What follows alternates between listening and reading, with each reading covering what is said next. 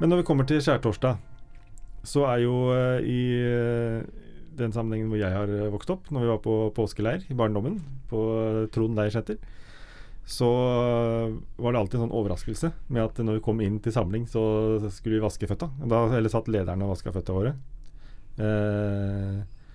Er det fremdeles en greie, eller går det an med ungdommer? Å vaske føtta deres?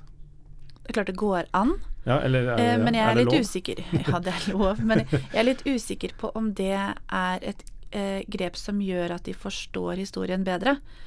Jeg tror det er Ja. andre elementer ved det måltidet som vil gjøre at konfirmanter og ungdom, og barn også, Mm. kanskje forstår det bedre, fordi at man har ikke den eh, dette med å vaske føttene. Vi må bruke andre begreper, fordi at man er ikke Det er ikke en kjent problematikk for Det er ikke en kjent situasjon for barn og unge. Eh, ikke for oss heller, egentlig. Jeg har vel aldri opplevd å komme inn og sted at noen vasker eh, beina mine, og at jeg syns det er Jo, jeg hadde syntes det hadde vært kjemperart. Mm. Det hadde jeg. Men, eh, men jeg tenker at det er andre deler ved den historien som vi kanskje kan Ja. gripe litt tak i. Akkurat, ja.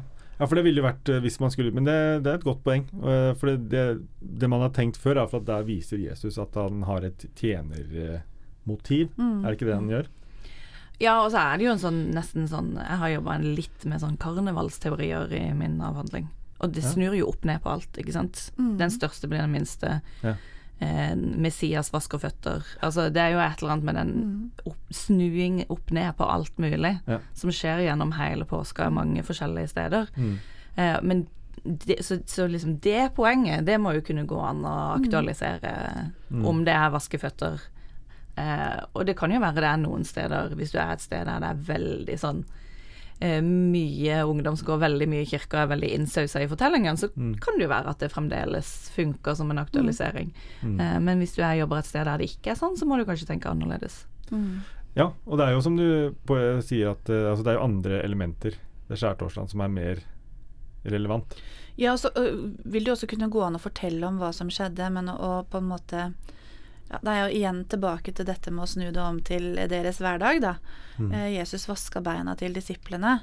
Eh, Hvilken situasjon kan dere tenke dere er samsvarende for, for deres liv i dag, da? Mm. Ikke sant? Når Jesus da snur om på det, og er en tjener, um, hvilke situasjoner kan dere tenke dere er Mm. aktuelle?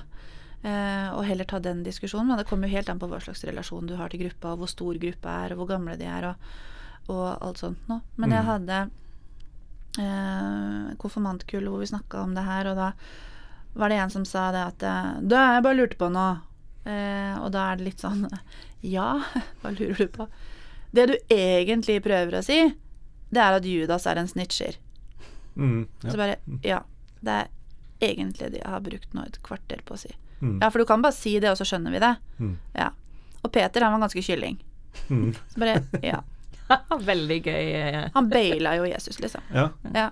Ja, det var egentlig det han gjorde. Ja. Og hvorfor var de så feige, egentlig?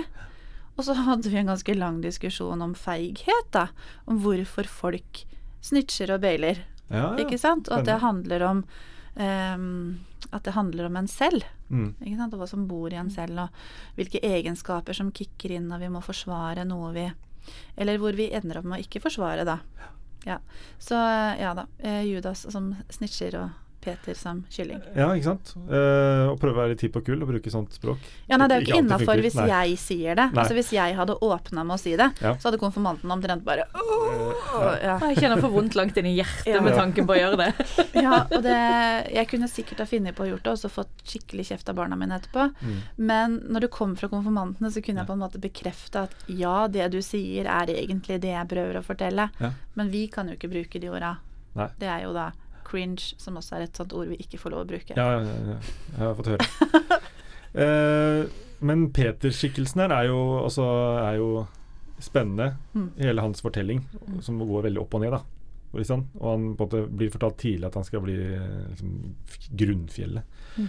i kirka, og så, så går det veldig opp og ned. Mm. Og, det, og også nå i påsken. Og det også har jeg iallfall alltid tenkt at det er liksom eh, hvis, du, hvis du er ute etter altså, hva vil det si å være kristen og tro, og når er du god nok som kristen, så er Peter egentlig et ganske godt Veldig. forbilde, tenker jeg. Mm. Man kan egentlig bruke, bruke Peter som utgangspunkt for en hel undervisningssamling for konfirmanter, tenker jeg. Mm. Om, eh, om det å være menneske, om det å være kristen. Mm. Om det å forsvare det du tror på, og om det å bli stilt til veggs. Um, så Peter-fortellingen står godt for seg Mm. selv også. Eh, og så skal man være litt sånn forsiktig med hvor mange elementer man egentlig drar inn i en undervisningssamling, da. Men da kan man jo dele det opp og, og bygge opp undervisningen rundt det og tenke litt helhetlig. Men jeg Mm. tenker absolutt at historien om Peter, og, og for så vidt også Judas, Mm. eh, bør brukes tid på, fordi at det er så Det griper inn i mennesket. Eh, og menneskelige egenskaper og kvaliteter og utfordringer. Som konfirmantene også sitter med i dag. Mm. Så er det noen damer der òg, da. Slenger innom igjen. Det er noen damer La oss bruke litt tid på det, for det er det jo. Linn. Og de går det også an å fortelle om, tenker jeg. Absolutt. Mm. Som både er veldig Altså, det er jo litt mer sånn i hvert fall sånn som det skildres i evangeliene, så er det en litt mer sånn rosenrød fortelling, da. De er jo trofaste hele veien og står med korset lenge og Mm. kommer første påske da og skal ja, balsamere, er det det det heter? Ja. Eh, så så de, de tror jo selvfølgelig at han er død, så, men de, de, har ikke, de har ikke løpt. De, de er der jo. De har ikke flykta, de har ikke vært like feige. Eh, og så også da står der og treffer de som treffer Jesus først, Mm. eh, og ikke skjønner at det er han, og så får beskjed om å Så skjønner det, og så får beskjed om å gå og fortelle det til resten av disiplene. Mm. Der er det jo noen det, Dette har jo blitt brukt i argumentasjon rundt kvinners ordinasjon. Fordi at eh, de er rett og slett de første som forteller til noen at Jesus er stått opp fra de døde. Første forkynneren som fins. Ja, det er jo det. Ja, Ja. ikke sant? Det er, det er det jo. Ja. Sammen med øh, Og nå må jeg bare stikke inn en digresjon her. Eh, kvinnen ved brønnen. Jeg skulle akkurat si det. det. Hun er jo også Det er litt lik fortelling. Mm. Som møter Jesus og blir møtt på en respektfull måte og sånne ting. Mm. og så er det mange som har brukt den fortellingen til å snakke om eh, mye rart. Men en viktig del av det er jo at hun, hun drar hjem til byen og forteller. Mm. Mm. Og forkynner. Og blir trodd. Og blir Mm. trodd. Ja. Ja. For det er jo Jeg har brukt den fortellingen mange ganger, og, og mange deler av den. Eh, og jeg prekte også over den da jeg ble vigsla.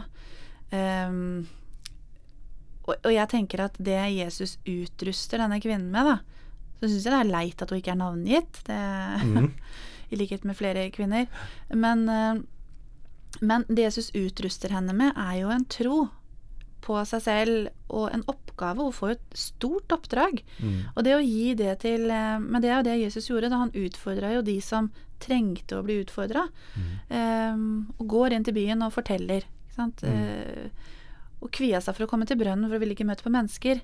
Men møtet med Jesus forandrer henne i så stor grad at hun drar inn til byen med en stolthet da, og forteller om dette budskapet. Så hun har jo fått noe i ryggraden som hun ikke hadde, Mm. hadde tidligere. Um, og det samme tenker jeg av de kvinnene ved graven også Mm. uh, er utrusta med Mm. eh, underveis. Og der er det jo også en mulighet til å rett og slett snakke om Maria Magdalena og hos sin rolle. Mm. Eh, hun nevnes jo flere steder, og så Mm. har jo eh, Tradisjonen har jo gjort henne til prostituert Ja. og alt Mm. mulig, og det er det jo veldig lite hold for å si Altså, det er ingen hold for å si at hun var det. Nei. Så, så det, der, eh, det er nok også kanskje et sånt navn som kanskje mange har hørt. Mm. Så å sette hos sin historie inn i et sånn litt nytt lys, det kan Mm. jo være spennende så i påska. Kjempe, ja, kjempespennende. Eh, du snakka litt om påsken Nei, skjærtorsdag i, i stad. Mm. Å ha et måltid, det er jo et kjempefint grep. Og da er det liksom måltidet og fellesskapet Mm. aktualiserer tematikken, liksom. Forberedelse til måltidet og måltidet. Ikke og, minst. Mm. Og så gå inn i det som skjer etterpå. Ikke minst det. Ja. Så da spiser dere Hva spiser dere da? Nei, altså det har jo vært ymse, eh, men eh, i, for et par år tilbake, nå ble det ikke i fjor, for da hadde jo ingenting, men eh, det det var snakk om, kan vi lage det som de spiste? Så sa jeg ja, vi kan godt lage det, men det spørs om dere spiser det, for det er liksom ikke, det er ikke taco akkurat. Mm. um, så det vi har blitt enige om, er jo å lage taco Mm. i år. Mm. Ikke sant? Og, og ha et festmåltid, da. Men å snakke om det som skjedde i forkant. Og så når vi da har spist og, og sånn, så går vi inn i en sånn skumringsstund med Da har vi et kors, svært kors liggende på gulvet med telys på og sånn. Eh, og så ha det mørkt, og så fortelle da om eh, Getsemane. Ja, Mm. så fint. Så det går inn i tar med den eh, Det er jo også en del av den dramatiske fortellingen, og det er jo en av de jeg husker utrolig godt fra barndommen min. Mm. Om eh, Jesus eh, som viser, eh, kanskje på sitt aller sterkeste, en menneskelighet. Mm. Ved at han er redd og ber til Gud eh, og sånn. Mm. Og så kan vi også snakke om disse disiplene som Mm. driver og sovner. Ja. Men de har jo spist mye, ikke sant. Og det er jo også litt av Ja. Det er jo også litt, litt av derfor vi ikke kanskje spiser det tradisjonelle påskemåltidet, men spiser noe som de virkelig spiser seg mette på. Mm. For da kjenner de på den metthetsfølelsen, og så har vi et mørkt rom, litt sånn rolig musikk, eh, levende lys som brenner. Da kjenner de på litt av den samme metthetsfølelsen, tretthetsfølelsen, og så får de fortellingen. Da får de fortellingen, Ja. Ja. Og, i skumring, og det er mørkt, og du Mm. får den effekten. da. Ja. Eh, hva, hva sier dere i forhold til eh, måltidets betydning? Altså hvorfor, hvorfor har Jesus samleren til måltid? Av alle ting, på det tidspunktet? Altså det er jo eksodusfortelling og jødisk tradisjon og alt mulig, så, men spørsmålet er jo om hvor mye hvor mye av det er nødvendig å vite for å kunne forstå påska bedre. Det er ikke sikkert at eh, Jeg tenker at det er litt sånn opp til det må bli litt sånn lokale forhandlinger, tror jeg, på, Mm. på hvordan man gjør det. Jeg syns jo det er kjempespennende, og, og jeg husker jo av det når jeg kom på MF og endelig kunne studere teologi og liksom se de lange linjene, se hvordan Gammeltestamentet og Nytestamentet henger sammen, og hvor, hvor man ikke nødvendigvis kan tolke det sånn som jeg alltid har blitt lært at det ble tolka. Altså, det syns jo jeg var kjempespennende. Mm. Og det kan godt være at det er mange ungdommer også som syns det er interessant, men det er jo sånn som du sier, hvor mye tar man inn i én undervisning, da. Mm. Men jeg fikk jo spørsmål da på den ungdomsgruppesamlinga nå på onsdag. Eh, Det, det her med påskedagene og sånne ting, hvor kommer det her med Pesak inn i det hele? Mm. Så blir det sånn Ja, skal vi nå? Så de har jo noe kunnskap Ja. Mm. om gamle jødiske tradisjoner. Mm. Ikke sant? Og jeg tenker at det kan være veldig verdt å nevne, men det kommer litt an på hvilken gruppe du har, hvor mange de er igjen. Ikke sant? Mm. Det her med å tilpasse det til hvor de er, og hva Ja. du har tid til. For det, man kan få spørsmål, men at man bør nevne det, absolutt, fordi at de, lærer, de lærer jo om det på skolen. Mm. Og hvis du spiser lam da på det påskemåltidet, så er det jo en stor eh, Ja, koblingsverdi Ja. en det. Kan ha lammekjøttdeig i tacoen. Det kan man jo, Oh, ikke sant? Det høres godt ut. Ja. Eh, Men ja, for det er jo og det lam, Lamsymbolikken her er jo veldig Ja. stor, og Mm. hvis vi skal snakke om soningsoffer og sånn etter hvert, Mm. så er det jo Mm. dette lammet som slaktes eh, Mm. I, i Egypt, og som der blodet smeres Ja. Og nå begynte jeg å snakke engelsk her. Smeared. Uh, det skal man ikke. Det blir jo nesten som konfirmantene. Mm. Men der de stør, altså, tar blod på dørkarmene og sånn. Altså, Mm. lammet er jo et soningsoffer der. Og Ja. så kalles Jesus for Guds lam, og så spiser man ofte lam i påska. Så det er ganske mye symbolikk der som går an å flette inn i et påskemåltid, selvfølgelig. Men uh, Kunsten blir jo å begrense seg også, Ja. som du sier. Jeg, jeg har ofte brukt eh, altså snakka om eh, måltidsfellesskap som sådan. At Jesus var jo veldig opptatt av måltidsfellesskap. Det er fellesskapet, og at det der fellesskapet med disiplene Mm. eh, var viktig. Rett før han skulle dø. Er, er, det, er det viktig å ta opp? hvorfor ikke? Selv om det på en måte har andre konnotasjoner enn når han samler til måltid. Og så en annen ting. Det er eh, eh, han, han innstifter jo nattverden, på en måte. Eh, og man kan jo koble det til si at vi, når vi har nattverd i våre kirker, Mm. så sier vi Vi siterer Jesus. Mm. Eh, at vi på og det, noe, altså det vi gjør, er en direkte sammenheng med Mm. skjærtorsdag. Liksom. Mm. Det er også en viktig poeng, da, eller det er noe man kan trekke inn. Definitivt. Og så er det jo litt sånn, når du spør er det riktig, så blir jeg litt sånn Hvorfor skulle ikke det være riktig? Altså, Mm. teologi er jo ikke Teologi er jo alltid i endring. Mm. Eh, og det vi formidler og den konteksten vi er i, det påvirker jo teologien. Mm. Vi teologiserer, som er liksom sånn motord innenfor praktisk teologi nå for tida. Mm. Altså, hvordan bruker man teologi, da? Mm. Ja, men Det bruker man alltid på litt forskjellige måter. Og om det Ja, la oss si at det kanskje ikke helt liksom sånn et av de toppdogmatiske punktene fra systematisk teologi å snakke om måltidsfellesskapet. Kanskje er det det også, jeg er ikke systematisk teolog, men altså oh, so what? Altså, bruk det som passer, og ikke vær så Altså, dogmene har også blitt til. Ja, Ja. sant. Ja. Så teologi er alltid i endring. Det er ikke Ja. noe som er liksom fast her. Mm. Det skjer alltid en endring når du treffer nye kontekster, nye ungdommer, Mm. leser teksten. Og så er det viktig å sette det i sammenheng, da. Ved ved å fortelle om måltidsfellesskapet og at Jesus innstifter nattverden, og forteller om hva som skjer da, og at eh, disiplene undrer seg jo. Mm. De syns jo det er noe merkelig. Mm. Eh, og det Det gjør jo jeg også. Syns det er en sånn derre Hvor kommer det fra? Det er en merkelig ting å gjøre. Mm. Ehm, og så er det helheten som gir det hele mening. Eh, og det å sette det inn i en sammenheng da, for både barn og unge. Sånn at når de går til nattverden, så skjønner de hvorfor. Mm. Ikke sant? Da har de hørt om måltidsfellesskapet, og at det var på skjærtorsdag. Og Mm. i våre kirker eh, i Råde så har, eh, er nattverden eh, tema på begge altertavlene. Ja. Sånn at når vi har trosopplæringstiltak og sånn, så bruker jeg en del tid på det. Mm. Eh, og så prøver jeg da å si når dere går til nattverd, så kan dere se på det bildet og tenke at ah, det var da. Mm. Ja. Så jeg tror litt på det å skape sammenhenger for å gi mening, da. Mm. Altså jeg tenker Alt og tavla i Kristiansand frikirke er liksom Jesus, sånn vevd bilde av Else Marie Jacobsen med Jesus på korset. Så er det en lys side og en mørk side av mennesker som går begge veier.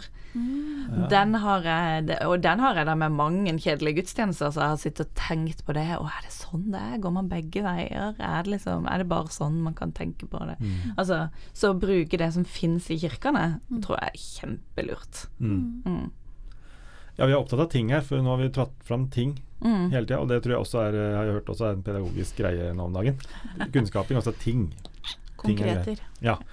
Og historier. Eh, Og så må man være bevisst på hvordan man bruker det. Kommer det herfra?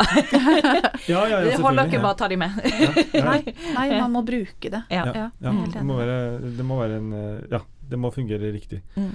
Eh, Så har de eh, ja, skumringstid, og så er det eh, Getsemane, hvor Jesus ber, og disiplene sovner.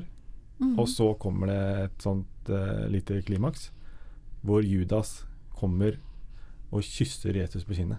Mm. Eh, det må vi få fram. Mm. Eh, litt for spenningens skyld, på en måte, fordi det er eh, Det er sånn eh, Det er så Eller sånn Det er så dramatisk. Mm. Og, og det er en sånn der kyss på kinnet. Det er liksom noe alle i hele verden vet om. Det er, sånn, det er et konsept Mhm. Mm. på en uh, sviker. Mm. Mhm. Hvor mye snakker vi om uh, Judas nå? Det kommer jo an på gruppa, selvfølgelig, men jeg syns det Mm. er viktig å nevne, da. Og, Mm. og det sviket. Og at det er menneskelig å svikte. Mhm. Eh, Tar man med resten av Judas sin historie? da? Ja, det lurer jeg på, fordi det er liksom eh, hvis, jeg, hvis jeg på en måte skulle eh, snakke om Judas, så ville jeg vært litt vil, Det er en fin måte å snakke om å svikte mm. og svakhet, eh, og det er jo penger som frister her. eh, og mange andre ting også som gjør at han er usikker. Eh, men, men vil vi snakke det blir jo, Han blir jo virkelig, eh, kanskje fortjent, hengt ut skikkelig. Så hvis du kjenner deg igjen som en sviker, så, Så tar han jo livet av seg. ja, han tar, ikke minst tar livet av seg. Og, og, og kan det hende at noen ungdommer hører det feil, da. Er det litt sånn skummelt? men sånn er det jo med alle fortellinger. Du Ja. vet aldri hvordan og hvor det lander. Nei. Eh, og hvordan det utvikler seg når de tar det Mm. med seg videre. Mm. Så vi, på å si, hvis man skal Og det har du jo da kvinner som blir grepet i ekteskapsbrudd, kvinner ved brønn Altså du har alle disse fortellingene om, om, om Jesus sine møter med mennesker som kan gi ulik gjenklang hos ungdom, da. Mm. Og hvis man skal ta det innover seg hele tiden når man skal snakke om det, så, så blir man veldig hemma. Men jeg tror det er viktig å legge noen trygge, trygge rammer til grunn for det du gjør. Mm. Um, ja, og samme er det med Judas. Mm. Ikke sant? Det er, ja, det er en tøff fortelling, og det er en uh, han, han fikk en tøff skjebne. Um, Ja, jeg er helt enig med deg. Altså, du, du har ikke kontroll på hvem som hører hva. Mm. Uh, og så tror jo jeg jeg er veldig tilhenger av at vi skal ikke sky unna de vanskelige fortellingene, da. Mm. For hvis da den ungdommen plukker opp en bibel og begynner å lese sjøl, så leser jo de de fortellingene. Mm. Og da er det mye bedre at vi som jobber i kirka, har satt det inn i en Mm. kontekst og inn i en sammenheng, Mm. eh, og prøvd å si noe, og kan si da, sånn som du har sagt, ja, men noe her er vanskelig. Mm. Det er, det er vanskelig å forstå hvorfor det måtte være sånn. Ja. Eh, og jeg tror at jeg husker eh, fra, fra egen oppvekst at det ble litt sånn forklart med at Judas var også en del av Guds plan, for Jesus måtte jo dø. Ja. Men det er jo sånn som jeg som begynte ganske tidlig å stille spørsmålstegn med hvorfor det, liksom? Ja. Altså dette er jo grusomt. Hvorfor vil, hvor vil jeg tro på en gud som gjør sånt? Mm. Mm. Ja, ja. Eh, Og der har det blitt spekulert, da, Ja. i, eh, blant eh, teologer og kanskje mer skjønnlitterære forfattere, mm. i at eh, Judas egentlig var eh, en slags helt. For hvis ikke han hadde gjort det han gjorde, så hadde ikke eh, det andre skjedd. Og så finnes det jo et eh, sånn apokryft evangelie som er da Jus- Ja. Judas-evangeliet, og som liksom forteller fra Judas. Men jeg tror at det, det, og det at det er litt sånn skumle historier, for det her kan jo også fortelles eh, til barn, eller det er jo barn også som hører påskefortellingen, så, så har jeg lest blant annet Neil Gaiman, som, eh, som skriver masse barnebøker som er ganske skumle. Mm. Også for seksåringer, liksom. Skikkelig er monstre og sånne ting. Mm. Og han har blitt spurt mange ganger men hvorfor, hvorfor kan du fortelle noe sånt til barn. Liksom. Mm. Og da sier han at eh, eh, nei, men dette her er jo en forberedelse på hvordan verden er. Det er ikke slik at det er monstre og sånne ting, men verden er faktisk komplisert, og det er kjipe ting Mm. som skjer i verden. Det vet jo barn også. De, Ja. de utsettes jo for det. På, altså, u, jeg tenker at eh, hvis vi som kirke ikke forteller de vanskelige fortellingene, Mm. Så skyter vi oss sjøl i foten, for da forteller vi ikke hele evangeliet. Det er det ene. Og det andre er at barn og unge de møter dette her, de møter det vanskelige ute i samfunnet. Og da, da gjør vi oss uaktuelle. Mm. Um, for ved å si at denne kirken så har vi ingen vanskelige tekster. Um, så er jo ikke det sant. For det er masse vanskelige tekster. Det er bare det at det er krevende for oss å formidle de, Mm. og det er krevende for oss å forklare de. Men det er nå den oppgaven vi har, da. Og den må vi ta.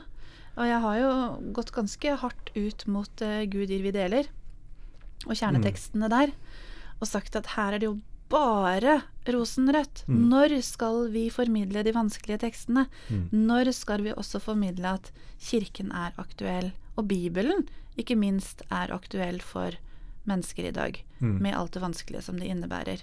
For mennesker har jo med seg vanskelige historier selv. Mm. Så tror jeg det er også det noe med å ikke ta med seg sine egne såra følelser for hvordan vi har fått formidla disse tekstene, hvis Ja. vi har fått de formidla på en Mm. dårlig måte, da. Mm. Eller en skadende måte, for det kan jo absolutt skje. Absolutt. Eh, men det betyr ikke at de ungdommene vi står overfor, har de samme Altså, de har ikke de samme erfaringene som vi har. Nei. Og det tror jeg er lurt å minne seg sjøl på av og til. Mm. Mm. Det, er, det er det absolutt. Og jeg tenker det er veldig, veldig spennende å, å jobbe med det her og, og måtte gjenfortelle og aktualisere det. Fordi det, det hvert år er et nytt år Mm. og nye mennesker. Så vi må Mm. også hele tida jobbe med hvordan vi formidler eh, det her, da, at det skjer en utvikling. Men uh, la oss gå videre. Dette blir en lang podkast, men det er kjempeinteressant. Eh, langfredag. Mm. Uh, det, er, det er jo en, en helt egen fortelling, det òg, egentlig. Fordi det er, det er mye fram og tilbake. Mm. Først altså Jesus er tatt til fange, og tornekrans, eh, som jeg aldri glemmer. Og så er det Pontus Pilatus som vasker hendene. Så det er sånne grep, da. Og det er jo noen sinnssykt grafiske bilder. Altså, det er Ja, jo det er veldig veldig Ja. mye som gir veldig mye inntrykk. Det er Mm. mye handlinger, det er mange symbolhandlinger, det er mye visuelt Mm. som, eh, som man ser for seg. Sånn er det jo gjerne hvis man leser en bok eller får en fortelling hørt. da. Mm. Og sånn er det hvis vi leser fortellinger for barn og unge. Så er det jo som en tegneserie som går i deres hode, med tornekrone og blod og Mm. kors som blir båret, og vasking av hender òg. ja. Mm. Eh, hva, hva er på en måte viktigst å fortelle da på langfredag? Tar vi hele den der dialogen på en måte? Eh, no- Eller fram og tilbake i forhold til dømmes eller ikke dømmes og sånn. Og så kan vi jo eh, også de som går imot Jesus, for nå har han jo en ganske stor folkemengde mot seg. Det har snudd siden palmesøndag. Ja. Ja. Så på en måte folkemassen som vender seg om, det er jo interessant i seg selv. selv. Ja. Og hva er, det, hva er det som gjorde det? Men det er jo så aktuelt. Og veldig aktuelt, ja. Ja, Mm. og, og vanvittig aktuelt i år. Ja. Ikke sant? Inn mot årets påske. Eh, folk som snur kappe etter vinden og, og følger folkemassen fordi Kanskje fordi de ikke tør annet. Mm. Eh, Eller fordi det, det har vært noen som har fortalt dem at det er sånn her verden ser ut. Ja. Ikke sant? Ja, ikke sant. Fordi det er jo det er, det er et spennende spørsmål å spørre hvorfor, eh, hvorfor skjedde det der? Mm. At uh, Jesus først kom inn, ble hyllet på vei inn, uh, og så vender veldig mange seg mot den. Mm. Uh, bare. Det er jo kjempespennende og veldig aktuelt, ikke minst i Mm. forhold til det som skjer i verden. Er, er det, det domfellelsen, da? Pontius Pilatus og sånne ting? Jeg tenker det er, jo, det er jo naturlig at man gjenforteller hele, hele fortellingen. Ja, altså, det er jo eh, det, det er jo igjen, da, som Kristin har sagt flere ganger, hvor mye skal du ta inn i en undervisning? Det kan jo være man velger noe fra langfredag. Mm.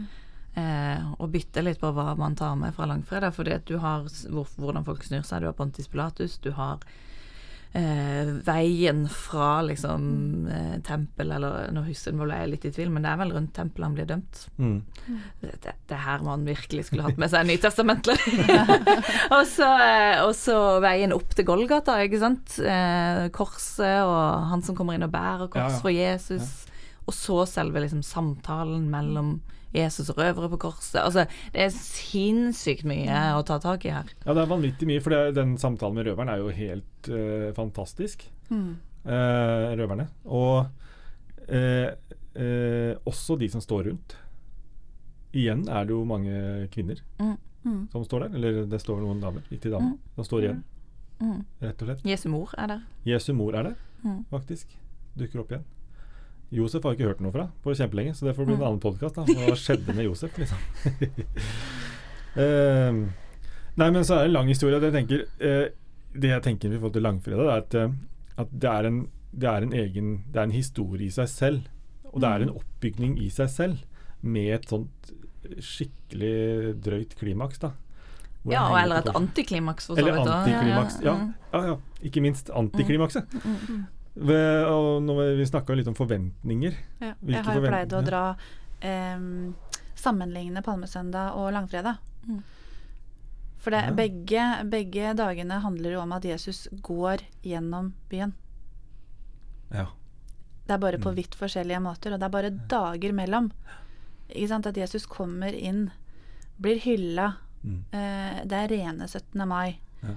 Og så står det i veldig sterk kontrast til langfredag, når han igjen eh, vandrer. Ikke sant? Og folk står og ser på. Det er en litt annen type stemning. Mm. Og så merker jeg veldig ofte med, med ungdom at de er veldig opptatt av han som kommer inn og vil hjelpe Jesus å bære korset. Ja. De blir veldig opptatt av han, for det er en historie i seg selv.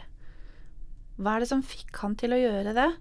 Eh, hvordan så folk rundt på han når han gjorde det? Hvordan gikk det med han etterpå? Mm. Det blir de opptatt av. Mm. Så de er opptatt av de menneskelige historiene. Mm. Um, men jeg, jeg pleier å, hvert fall å sammenligne det, for det står så, i så innmari sterk kontrast. Mm. Og da skjønner man jo at her har det jo skjedd ting i mellomtida. Ja. Det er, folk eh, En del har blitt skuffa, Mm. på en måte. Eller eh, ja, hadde feil forventninger. Mm. Eh, og det er menneskelige historier hele veien. da det er, uh, altså, Her er det jo uh, de som står og ser på. Eh, og så er det røverne på korset. Mm. Som, det er jo eh, mennesker Mm. helt tett på døden. Ja, og Pontus. Pilatus som står der i en sinnssyk skvis. Altså faktisk, hvis man skal prøve å se det litt fra hans, fra hans ståsted. Ja.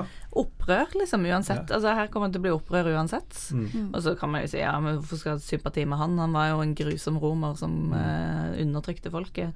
Men hvis du skal liksom prøve å se de menneskelige sidene, da, og Mm. være leder og få det der eh, Være leder for en nasjon og få det der foran deg. Mm. Jeg misunner han ikke. Nei, overhodet ikke. Hvor, eh, hvor eksplisitt er vi i forhold til eh, å beskrive korsfestelsen? Jeg, måte, jeg bruker det som fun fact, ja. litt feil ord å bruke. Men hvordan er man korsfester? Hvor satte man spikeren og sånne ting? Ja. Hvor grafiske blir de? Altså, vi, had, vi har jo pleid å vise film for konfirmantene våre om Ja. Jesus. Eh, og da vet jeg jo at det er noen som viser 'Passion of Christ'. Å ja, det er Ja. noen som gjør det, ja. Ja, vi, vi gjør ikke det. For jeg, jeg tenker at eh, så mange sjelesorgsamtaler har jeg ikke tid til å ta etterpå. På en måte. Fordi Mm. at den har påvirka meg når jeg så den, for jeg har sett den, og den er helt grufull. Mm. Men igjen så kan man jo si ja, men påskefortellingen er grufull. Mm. Eh, korsfestelsen er grufull. Um, og ja, vi skal tørre å fortelle de vanskelige fortellingene, men vi behøver ikke å overdrive. Mm. Og akkurat når det gjelder korsfestelsen, så mener vel kanskje jeg at Passion of Christ eh, overdriver. Eh, sånn at man skal vokte seg litt for hva man viser, fordi du aldri veit hvor det lander, eller hvem, hos hvem det lander. Um, så jeg, jeg tror at ungdommene og barna i seg selv er grafiske nok i sitt indre. Vi behøver ikke å hjelpe de. Vi kan heller eh, bidra til å eh, drive med faktaopplysning, da. Altså, når jeg var pastor, så hadde vi konfirmantleir rett før påske, som regel. Eh, og da var det liksom konfirmanter fra alle frikirker i, på, i østlandet, østlandsområdet. Og da prøvde, pleide vi alltid å kjøre sånn påskevandring. Der de gikk i gru- grupper, fikk bind for øynene, og da gikk vi gjennom alle stasjonene. Og da har jeg ettertenkt tenkt at vi var for drøye på langfredag, altså. For da var de inne i et mørkt rom og hørte spikerslag med liksom bind for øynene. Ja. Og eh, kom jo ut etterpå og gikk gjennom oppstandelsen, så avslutta vi med sånn det vanlige, det speilet, liksom. Jesus gjorde det for deg, og du elsker Gud, og sånn. Eh, og jeg har liksom tenkt å shit, det der var for heftig. Ja. Eh, og, både piskeslag og liksom eh, Ja, fra tidligere, og så liksom korsfestelsen. Mm. Og så er det noen av de som var konfirmanter der som går på UKT nå, som har sagt at 'Å, men det der var helt fantastisk. Ja, ikke sant? For Fikk dere noen tilbakemeldinger på at dere var for drøye, eller er det Nei, men jeg følte det sjøl, Ja, liksom, at nå er vi for drøye. Ja. Men som, eh, vi fikk egentlig ganske mye tilbakemeldinger på at det var eh, veldig interessant Og også ha det bindet for øynene, da. Sånn at man prøvde måtte kjenne på alle andre følelser. Ja. Men jeg har kjent litt på at jeg tror kanskje Jeg lurer på om det var for drøyt for noen, Mm. eh, og at vi kanskje ikke hørte fra de. Eh, Nei, men eh, De som ikke begynte på UKT. de som ikke begynte på UKT.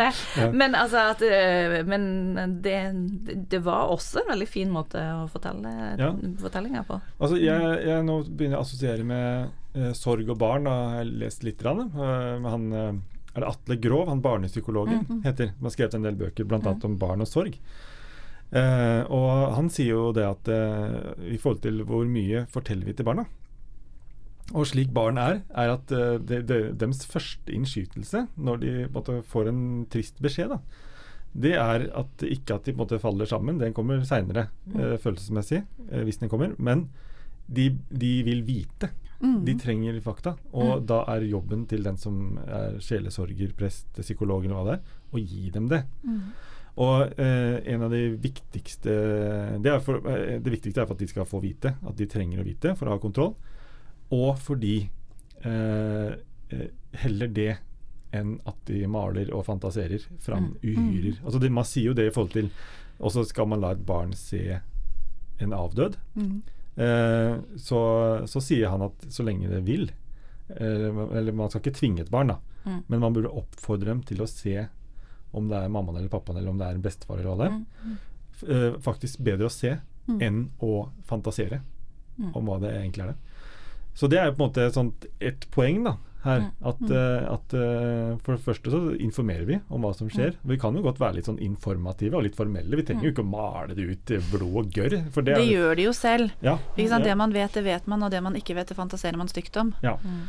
Og problemet med Passion of Christ er jo at han var mer opptatt av malinga enn innholdet. På en måte, Hvis man kan bruke det bildet, syns jeg, da. Mm. Ja, jeg er enig. det, ja. det, så det funker ikke. Jeg klarte ikke å se den korsfestelsesscenen der jeg måtte snu meg, liksom. Ja. Ja. Ja, nei, det var jo også, var også alt var bygd opp eh, ganske pompøst og vulgært, eh, hele pakka, altså hele fortellingen, Ja, ja. for ja. å skape en sånn vanvittig greie. Og så var det liksom Glemte man kanskje litt uh, innholdet i Ja, men Og så blir man jo litt sånn når en vet litt mer om Mel Gibson kanskje etter hvert også, så Ja. er det ikke helt eh, nøytralt nødvendigvis det han prøvde å formidle heller. Nei, det kan man si. det kan man si. Men eh, så Jesus han dør på korset, og teppet revner. Det er også et poeng, da. Det er jo et teologisk poeng. Mm. Eh, særlig for de som eh, kan eh, Gamle testamenter godt. I forhold til Er det det man burde ta med, eller er det nå liksom Nå er han død, nå må vi gå videre til første påskedag. Jeg er glad i den tepperevner-historien, jeg, altså. Mm. Jeg syns den er veldig symbolsk. Eh, og symbolsk samtidig på en sånn måte som gir mening, uten at du må forklare det så voldsomt. Mm. Og alle kan liksom se for seg et sånn tungt teppe, tror jeg. Som Mm. en sånn ting som skiller eh, kan du se, Mange har vært på teater, ikke sant, sett sånne Mm. tunge tepper. Og kan liksom klare å se for seg hvordan det revner. Det er ikke en sånn spesifikk kristen symbolikk, egentlig. Nei. Så jeg er egentlig glad i den fortellinga. Mm. Men jeg er også veldig glad i Gamle testamentet, da. Så det, Mm. det henger sammen, eh, kanskje. Men uh, igjen Vel av ting å fortelle om. Mm. Hva velger man for noe her? Ja. Ja, ja, det blir litt uh, hvordan man forteller. Men hvis man skal ha det som en ren fortelling, liksom, så er jo det en del av dramaturgien. Liksom. Og Mm. det er utrolig fint, men samtidig litt mer sånn hvor mye mat skal vi gi dem, Mm. disse ungdommene. Hvis man skal fortelle om eh, påskemåltidet og den betydning, så tenker jeg det er helt naturlig å ta Mm. med, med, med teppet revner også, for å skape sammenhenger og overganger for de. Mm. Eh, så det er klart at det er noen Det er noen ting som følger hvis du velger ett grep. Da må Mm. du velge å ta med noe annet. Men, men jeg tror det aller viktigste er jo å passe på at det er en helhet i det vi, det vi formidler. Mm. At ikke vi bare velger ut enkeltepisoder som står for seg selv, og så gir det ikke noe mening når vi er ferdig. Mm. Men at, uh, at vi tenker helhet, da. Mm. Sånn at vi, hvis man velger å ta med noe fra Det gamle testamentet, så må man ta med resten også. Mm. Ja. Og det er et godt eksempel. Da. Det var et veldig godt poeng. Det Mm. med teppet. Mm. Eh, nå er eh, Jesus død. Mm. Eh, hvor er han da? Spør ungdommene. Mm. Det er hull i fortellinga. Ja, nå er det et høl i Mhm. fortellingen. Mm. Fra langfredag til uh, søndag. Hva sier vi da? At, Bare eh, ikke inn på det i det hele Nei, det tatt. sånn Nei, nei det, det, det, det tenker jeg fort også, da. At uh, Og så står det opp og Ikke så fort, da, men uh, på måte, den derre kampen da, som vi på måte kanskje tenker at han driver, eller hva, hva er det som skjer? Ikke sant? Det er her jeg føler jeg kommer til kort som teolog. Ja. Eh, og jeg, jeg tror i den der eh, i denne vandringa vi gjorde, så snakka vi ikke så mye om det, men vi, snakket, vi, vi, fått- vi dikta litt på åssen det var å være disippel den kvelden. Mm. Ja. Eh, men det er jo å hoppe unna hvor er Jesus, hva er det egentlig som skjer med Jesus? Ja. men det vet vi jo faktisk ikke så mye om. Nei. Det, er, det finnes jo forskjellige teorier, ikke sant. Om, og det er jo litt også etter eh, hva du tenker om hva betyr egentlig denne døden og oppstandelsen. Det som man kaller forsoningslære. Hva slags type forsoningslære er det du Ja. måte, hva slags, hva slags betydning er det du tillegger? Hva er det egentlig som skjer her? Mm. Eh, så det har jo litt å si hva du tenker om det òg, for Ja. hva du tenker at Jesus faktisk gjør den lørdagen. Ja. Ja. Det kan si, at det må vi komme tilbake til, da. Ja. Eh, forsoningslæren. Men eh, det er jo et eh, fint grep, kanskje, det å snakke om de som var igjen. Mm. Eh, jeg, jeg pleier alltid å være vektlegge veldig røveren på korset og sånne ting. Og så, når jeg går videre, da snakke om de som er igjen. Mm. Om, eh, om Peter igjen, som vi har vært inne på, men altså hvordan, hvordan er det? Mm. Hva, hva, hvordan er det for disiplene nå? Eh, alle de tolv pluss eh, ja, er det 70, og så er det mange flere. Mm. Nå er han død, Mm. liksom. Eh, hva tenker de nå? Har falt eh, prosjektet pladask? Ja, det kunne man jo tenke. Altså, det er jo et stort antiklimaks, egentlig. Ja. Men um, så narrativteorier sier jo noe om at uh, når det er hull i fortellinga, så gir det oss mulighet til å fylle det ut. Ikke sant? Akkurat som vi snakka om. Hvis ikke Ja. vi sier noe, så Mm. bruker vi fantasien. Ja. Mm. Og det må jo være lov å fantasere litt her, da, og så si litt om hvordan tror vi det ville sett ut. Altså, hva hadde du gjort, da, hvis du Mm. hadde fulgt etter noen og så vært overbevist om at dette var sant, og alt han hadde sagt var riktig, og så Ja. plutselig så virker det som om Altså, hva gjør jeg nå med livet mitt? Mm. Ja. Ja. hva gjør jeg nå med livet mitt? Ja. Men det er der vi kan utfordre Hvis vi har ungdommer og konfirmanter vi er trygge på, eller- og som er trygge på oss, så kan man jo utfordre de på å fylle det hullet. Mm. Vi behøver jo ikke å fylle det for de, men vi kan fylle det med de. Mm. Eh, hvordan ville du ha Hva tenker du om det, og sånne ting. Mm. Det er også med på å og på en måte For noen da så toucher man inn på dette med sorg, Mm. Som er skikkelig touchy for en del konfirmanter. Mm. Vi har da valgt å legge Vi skal ha undervisning om sorg nå til uka. Sånn at vi har da hatt undervisning om sorg først, og så når vi da begynner å snakke om dette med, med, med hva som skjedde i påsken og, og den følelsen de sitter med etterpå, så har vi snakka om sorg.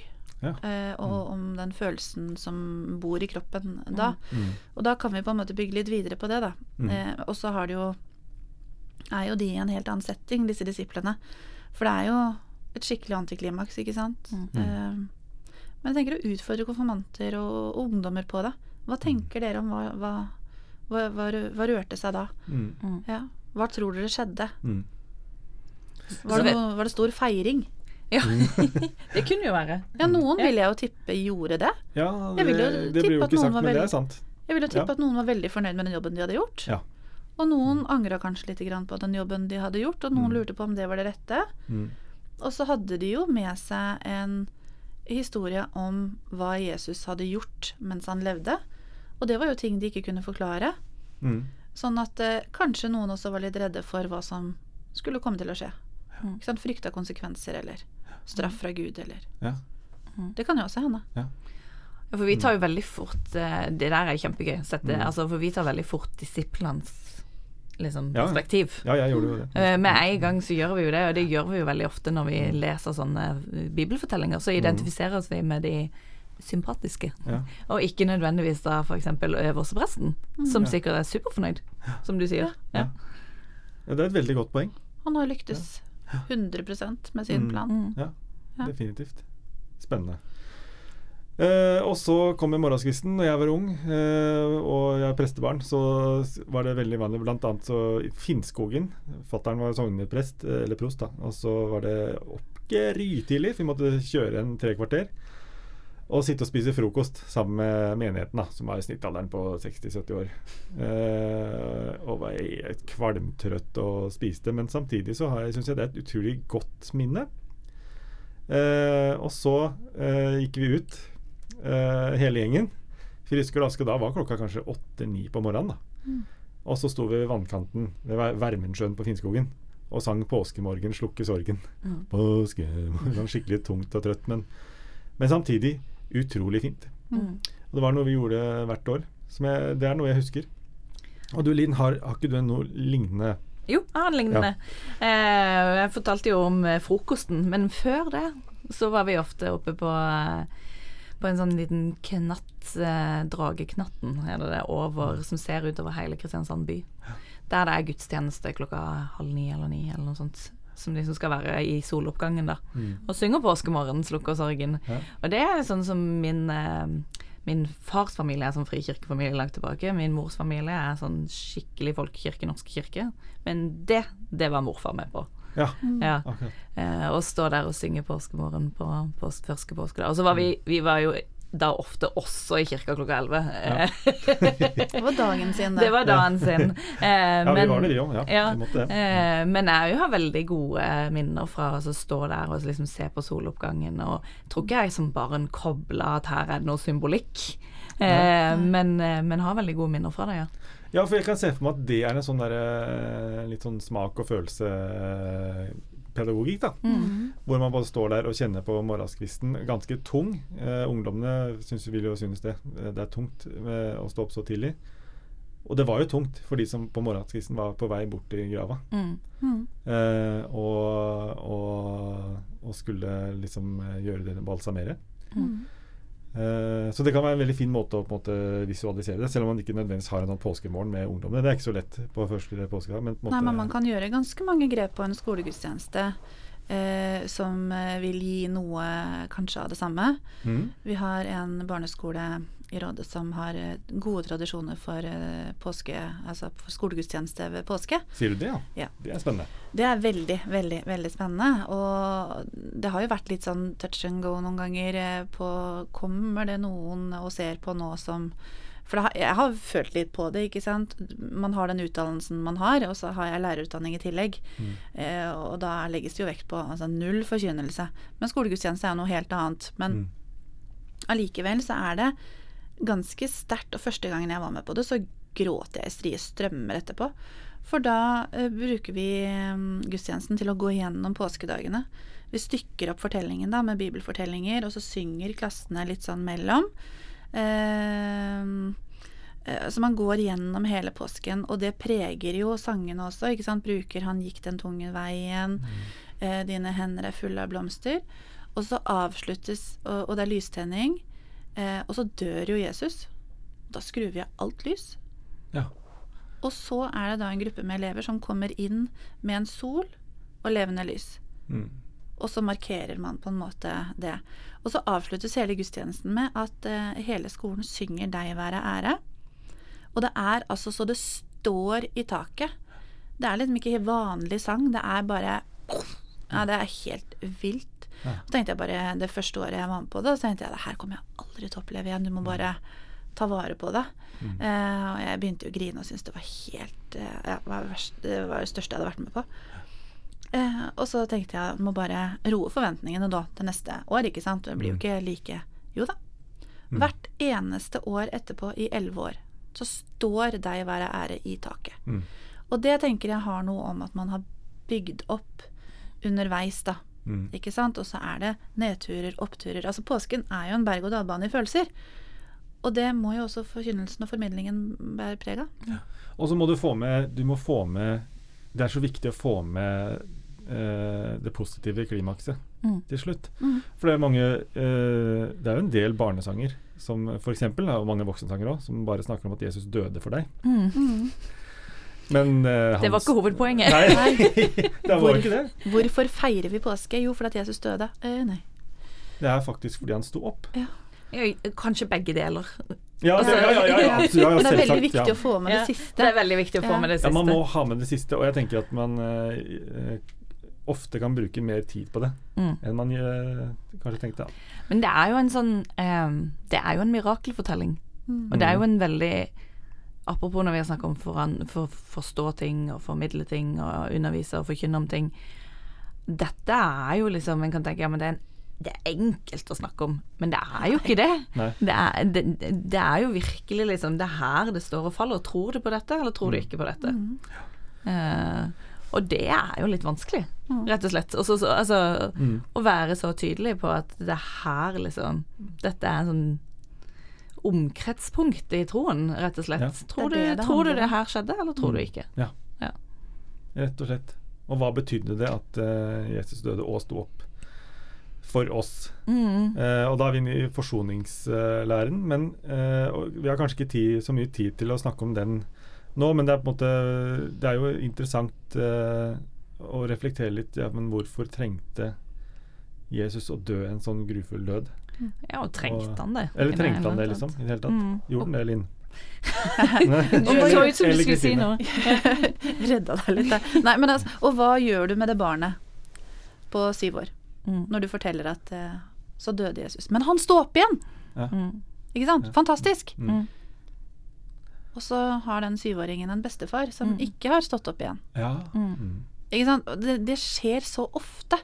Og da kommer vi inn på hvorfor sto Jesus opp igjen? Ikke sant? Og da, for vi må ha en forklaring til dem Mm. om at Jesus sto opp igjen, og bestefaren din kommer ikke til å våkne igjen. Mm. Mm. For det kan vi ikke si til Altså Vi kan på en måte ikke si at uh, Det var leit å høre om bestefaren din, men hør nå om Jesus som våkna. Ja. Mm. For de, de tar ikke den, så ja. Ja. Jeg har iallfall valgt eh, det, er, det er et veldig godt poeng. Det tror jeg er viktig. Og så er det også veldig viktig å fortelle altså fortellingen om, eh, om Maria Magdalena og, Mm. og de som er på vei til graven, finner den tom. Altså Den er utrolig vakker. Så den må gjenfortelles. Men også Jeg har valgt å være litt sånn ydmyk i forhold til det spørsmålet hvorfor altså forsoningslæren. Mm. For det er, jo, det er jo den typiske tre tolkningene. Det er klassisk forsoningslære. Objektiv forsoningslære og, Og- subjektiv forsoningslære. Ja, ikke sant. Mm.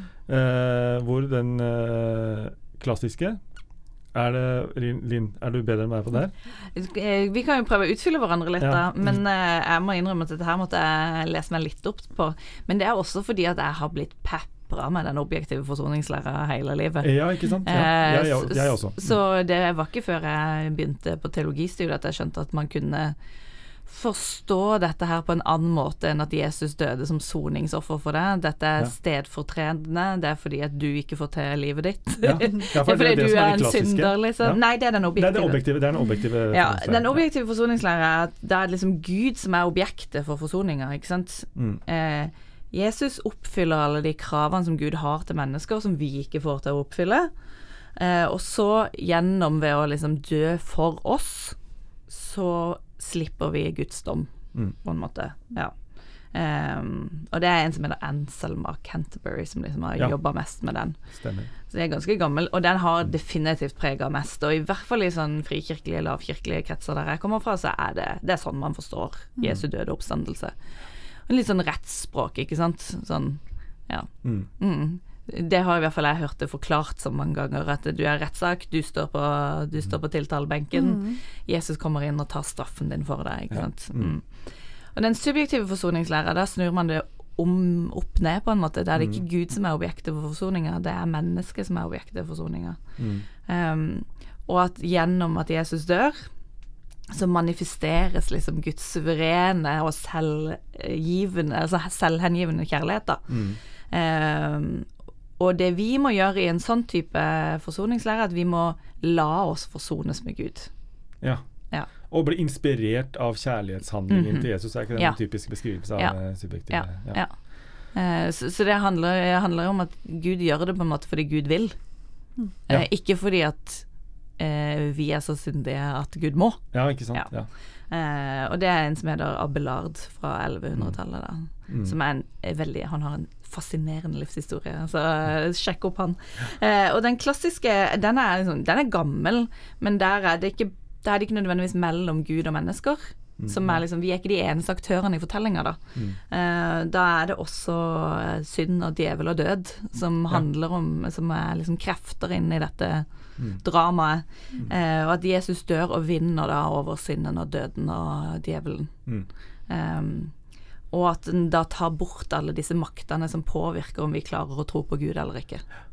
Um, og da så er det fremdeles sånn at vi dømmes, men Guds vrede rammer da kun Jesus og ikke oss, fordi Mm. at eh, Jesus har tatt vekk liksom alle disse kreftene fra oss. da. Mm.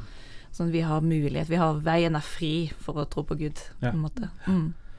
Ja, dette er et tungt stoff. Det er tungt eh, stoff. Ja, jeg har jobba litt med det. Og så syns jeg at eh, Notto Telle Han har skrevet en bok, jeg husker ikke hva han heter nå, Mm. men han, hvor han snakker om det her, og, og sier at det er vanskelig. Mm. Og det er litt deilig for meg òg Mm. å vite eh, at han syns det. Og så sier han at kanskje, kanskje disse tre på en måte spiller litt på lag, eller at det, man kan, det er som en akkord. Ja. Man slår an på noen strenger, at det er, det er noe i dem, alle sammen. Eh, og så eh, bruker jeg da anledningen til å på en måte si at eh, jeg vet ikke Mm. helt. Mm. Og være litt sånn ydmyk i forhold til at her er det et eller annet eh, som ikke jeg forstår fullt ut. Mm. Ja, og så samtidig så er jo denne her eh, Bare tenk liksom eh, Jeg vet jo mange bruker, eller i hvert fall noen bruker Harry Potter på, til Ja. påske. Mhm. Så den der tanken om at noen dør i stedet for alle andre, den sitter jo veldig i kulturen vår òg. Ja.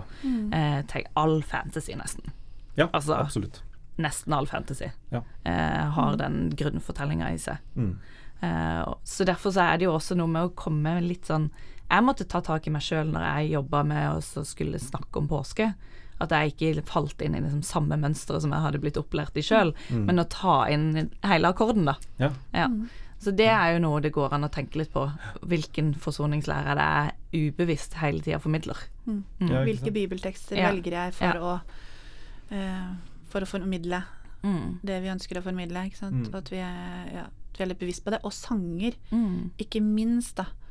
Uh, for det er jo utrolig mange påskesanger som jeg syns det er litt vrient å bruke, da. Mm. Hvilken, for eksempel? Si, kan du ikke, hvis du kommer på noen. Um, altså, jeg- liker jo i skolegudstjeneste, for eksempel, da, eller, eller i de um, anledningene hvor jeg kan få lov å forkynne. Da er jo 'Han gikk den tunge veien' Mm. uh, ganske fin. Uh, men i tro, på trosopplæringstiltak, hvor du skal eh, være ja, Så er jeg litt forsiktig, kanskje. Mm. Mm. Eh, og så tenker jeg at det er veldig mange av disse sangene som man må snakke litt om. Altså tørre å snakke litt om det i forkant og, og sånne Mm. ting. Eh, men jeg bruker nok både den, da, og um, 'Dine hender er fulle av blomster'. Så, så jeg er nok litt sånn forsiktig, kanskje, Mm. med hva jeg bruker. Og Mm. 'Deg være ære', selvfølgelig. Ja. Mm. Men uh, den er jo kruttsterk. Eh, Mm. Men det, den er jo veldig sterk i den bygda som jeg jobber i. Mm. Den brukes mye. Og så Sangene er jo også melodiene, ikke sant. Så det er jo ikke Ja, ja. bare tekstene. Altså, der er man jo veldig forskjellig. Hører du på tekst, eller hører du ikke på tekst i det hele tatt? Du Mm. bare synger. Ja. Så der er det jo flere ting som spiller sammen, da. Mm. Mm. Vi har en organist hos oss som, som legger mye følelser i det han spiller på skolegudstjeneste, da.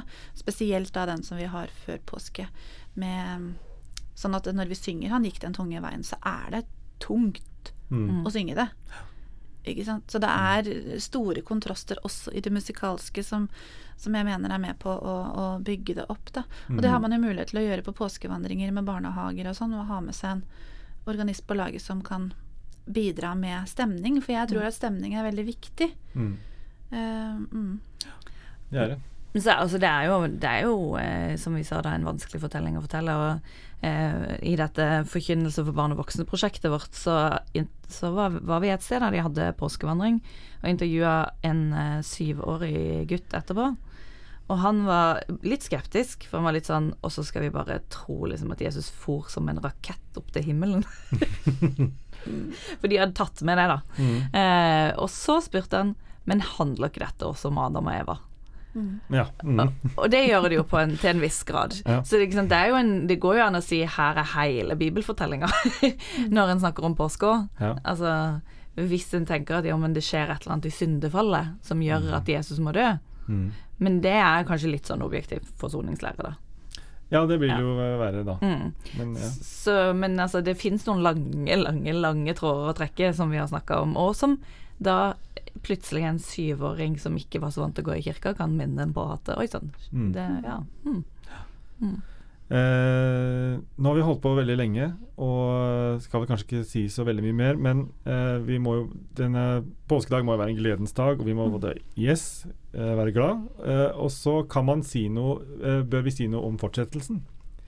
Eller eh, kommer det seinere i konfirmantundervisningen? Altså, nå, gikk nå begynte jo Jesus å besøke disiplene, nå etter at han har mm, vist seg for Maria Magdalena, og så, og så begynner de så begynner apostlenes gjerninger etter hvert, liksom, Mm. for å si det sånn. Jeg lurer litt på om jeg hadde helt mot å kjøre på liksom den gledens dag når det Mm. klimakset ja. som påska er, da. Ja. Eller første påskedag er. Mm. Eh, og også fordi at eh, Nå snakker vi litt om Jesus i tempelet som er sint, men altså Vi er litt sånn eh, oss eh, skandinaviske lutheranere, vi er ikke så gode på følelser, altså. Eh, og, og, og jeg har lest en homiletiker som heter Charles Campbell, som jeg er veldig glad i, og han er reformert. Eh, og han er veldig tydelig på at ja, må jo, vi må jo liksom Skal vi snakke om disse følelsene, så kan du ikke stå og så Altså, du må leve deg inn i dette her òg. Mm. At det, faktisk Å stå og si dette er en, dette er en gledens dag Altså, ja. Vi kan, vi kan faktisk med fordel tørre å liksom utforske litt mer at ja, men hvis vi faktisk tror på dette her, Mm. så betyr det alt. Eh, og da er jeg veldig glad for at det skjedde. Mm. Eh, og, og hvis vi igjen skal da tenke at eh, ja, men folk har lyst til å høre på noen som tror på noe, og som Mm. mener det de sier, så kan en ikke stå og være litt sånn 'dette er en gledens dag'. Nei. Nei. Vise glede og Ja. fei, feire, rett og slett. ja. Du må Så tørre, da. Ja. Ikke sant? Og det, det krever ganske mye av mange. Mm. For som du sier, vi er ikke spesielt gode på følelser og sånn, hvis ikke det handler om sport. Mm. Um, men uh, jeg tror at vi med fordel kan tørre å være litt mer um, følelseslada og, og personlige. Mm. For det går fint an å være personlig uten å være privat. Mm. Også i gudstjenesteledelse og forkynnelse og um, Og det å tørre å, å ta inn over seg det, Mm. og, formidle det. Mm. For uh, det å være ekte, det koster, men man får så uendelig mye mer tilbake, både selv og av det du gir til andre. Mm. Og som du også har vært inne på før, det betyr ikke å stå der og si at dette er 100% sikker på at det er riktig. Ja. Jeg, jeg, jeg må innrømme at jeg syns Altså, det her er virkelig liksom trosprang. Ja. Ja. Mm. Og noen ganger tror jeg på det, andre ganger så blir jeg litt sånn Hei, men seriøst, Ja. skjedde nå dette? Ja. Litt sånn som han Skal jeg virkelig tro på det, som han syvåringen sa? Ja. Og så andre der så er jeg helt overbevist om at det er sant. Mm. Så å være tørre å være ærlig på det også, Mm. det tror jeg Det tror jeg kan være nyttig for veldig mange. da Kan gjøre det mer troverdig, på Ja. en måte. Ja, og så, så er det jo sånn det er. Det er jo ingen som er Eller det, er, det finnes jo noen som er 100 overbevist hele tida, men de får jo ofte en smell, da. Så det, det er jo noe med at hvis troa skal være bærekraftig, så må vi gi plass for den tvilen som fins. Mm. Mm. Og at den, eh, å vite det at eh, den relasjonen, som vi har snakka om Mm. i første episodene våre, i Mm. podcast, den, den er der, Mm. på en måte. Mm. Selv om vi på en måte er feilbarlige og, og ikke forstår treenighetslæren, eller, eller forsoningslæren, Ja. fullt ut, liksom. Mm. Fint. Skal vi gå inn for landing da? Ja, jeg tror vi må det, fordi nå har vi hatt uh, rekordlang podkast. Kan det være vi kan prøve å kutte den i to, eller et eller annet Ja, annet det kan sånt? hende vi må gjøre det. Det kan hende vi gjør det. Men det har Mm. vært veldig spennende, syns jeg. Både Vi har vært veldig teoretiske, men også veldig praktiske. Så det har vært veldig fint. Og dette er jo noe med ikke sant, Alle burde hatt podkast, for det er så gøy å snakke om disse tingene sammen. Ja. Det er det. Ja, ja, kjempegøy. Kjempespennende. Mm. Uh, men vi sier det sånn, og så håper jeg at uh, lytterne, de der ute som er i felten, tenker at det her er noe de kan bruke enten i påskefeiringen på gudstjenester, men kanskje også inn i undervisningen aller mest, da. Ja, eller inn i stabsfellesskap, altså, sånn Mm. der man kan reflektere sammen om ok, hvordan tenker vi egentlig om dette. For det, det, er veldig ofte er det jo forskjellige teologier fra forskjellige mennesker i staben òg. Ja visst. Mm. Ja visst er det det. Så det er spennende. Tusen takk for at du ble med oss, Kristine. Det har Jo, vært tusen takk for meg. nydelig å ha deg her. Takk, Takk for nå. for i dag. Takk for i dag.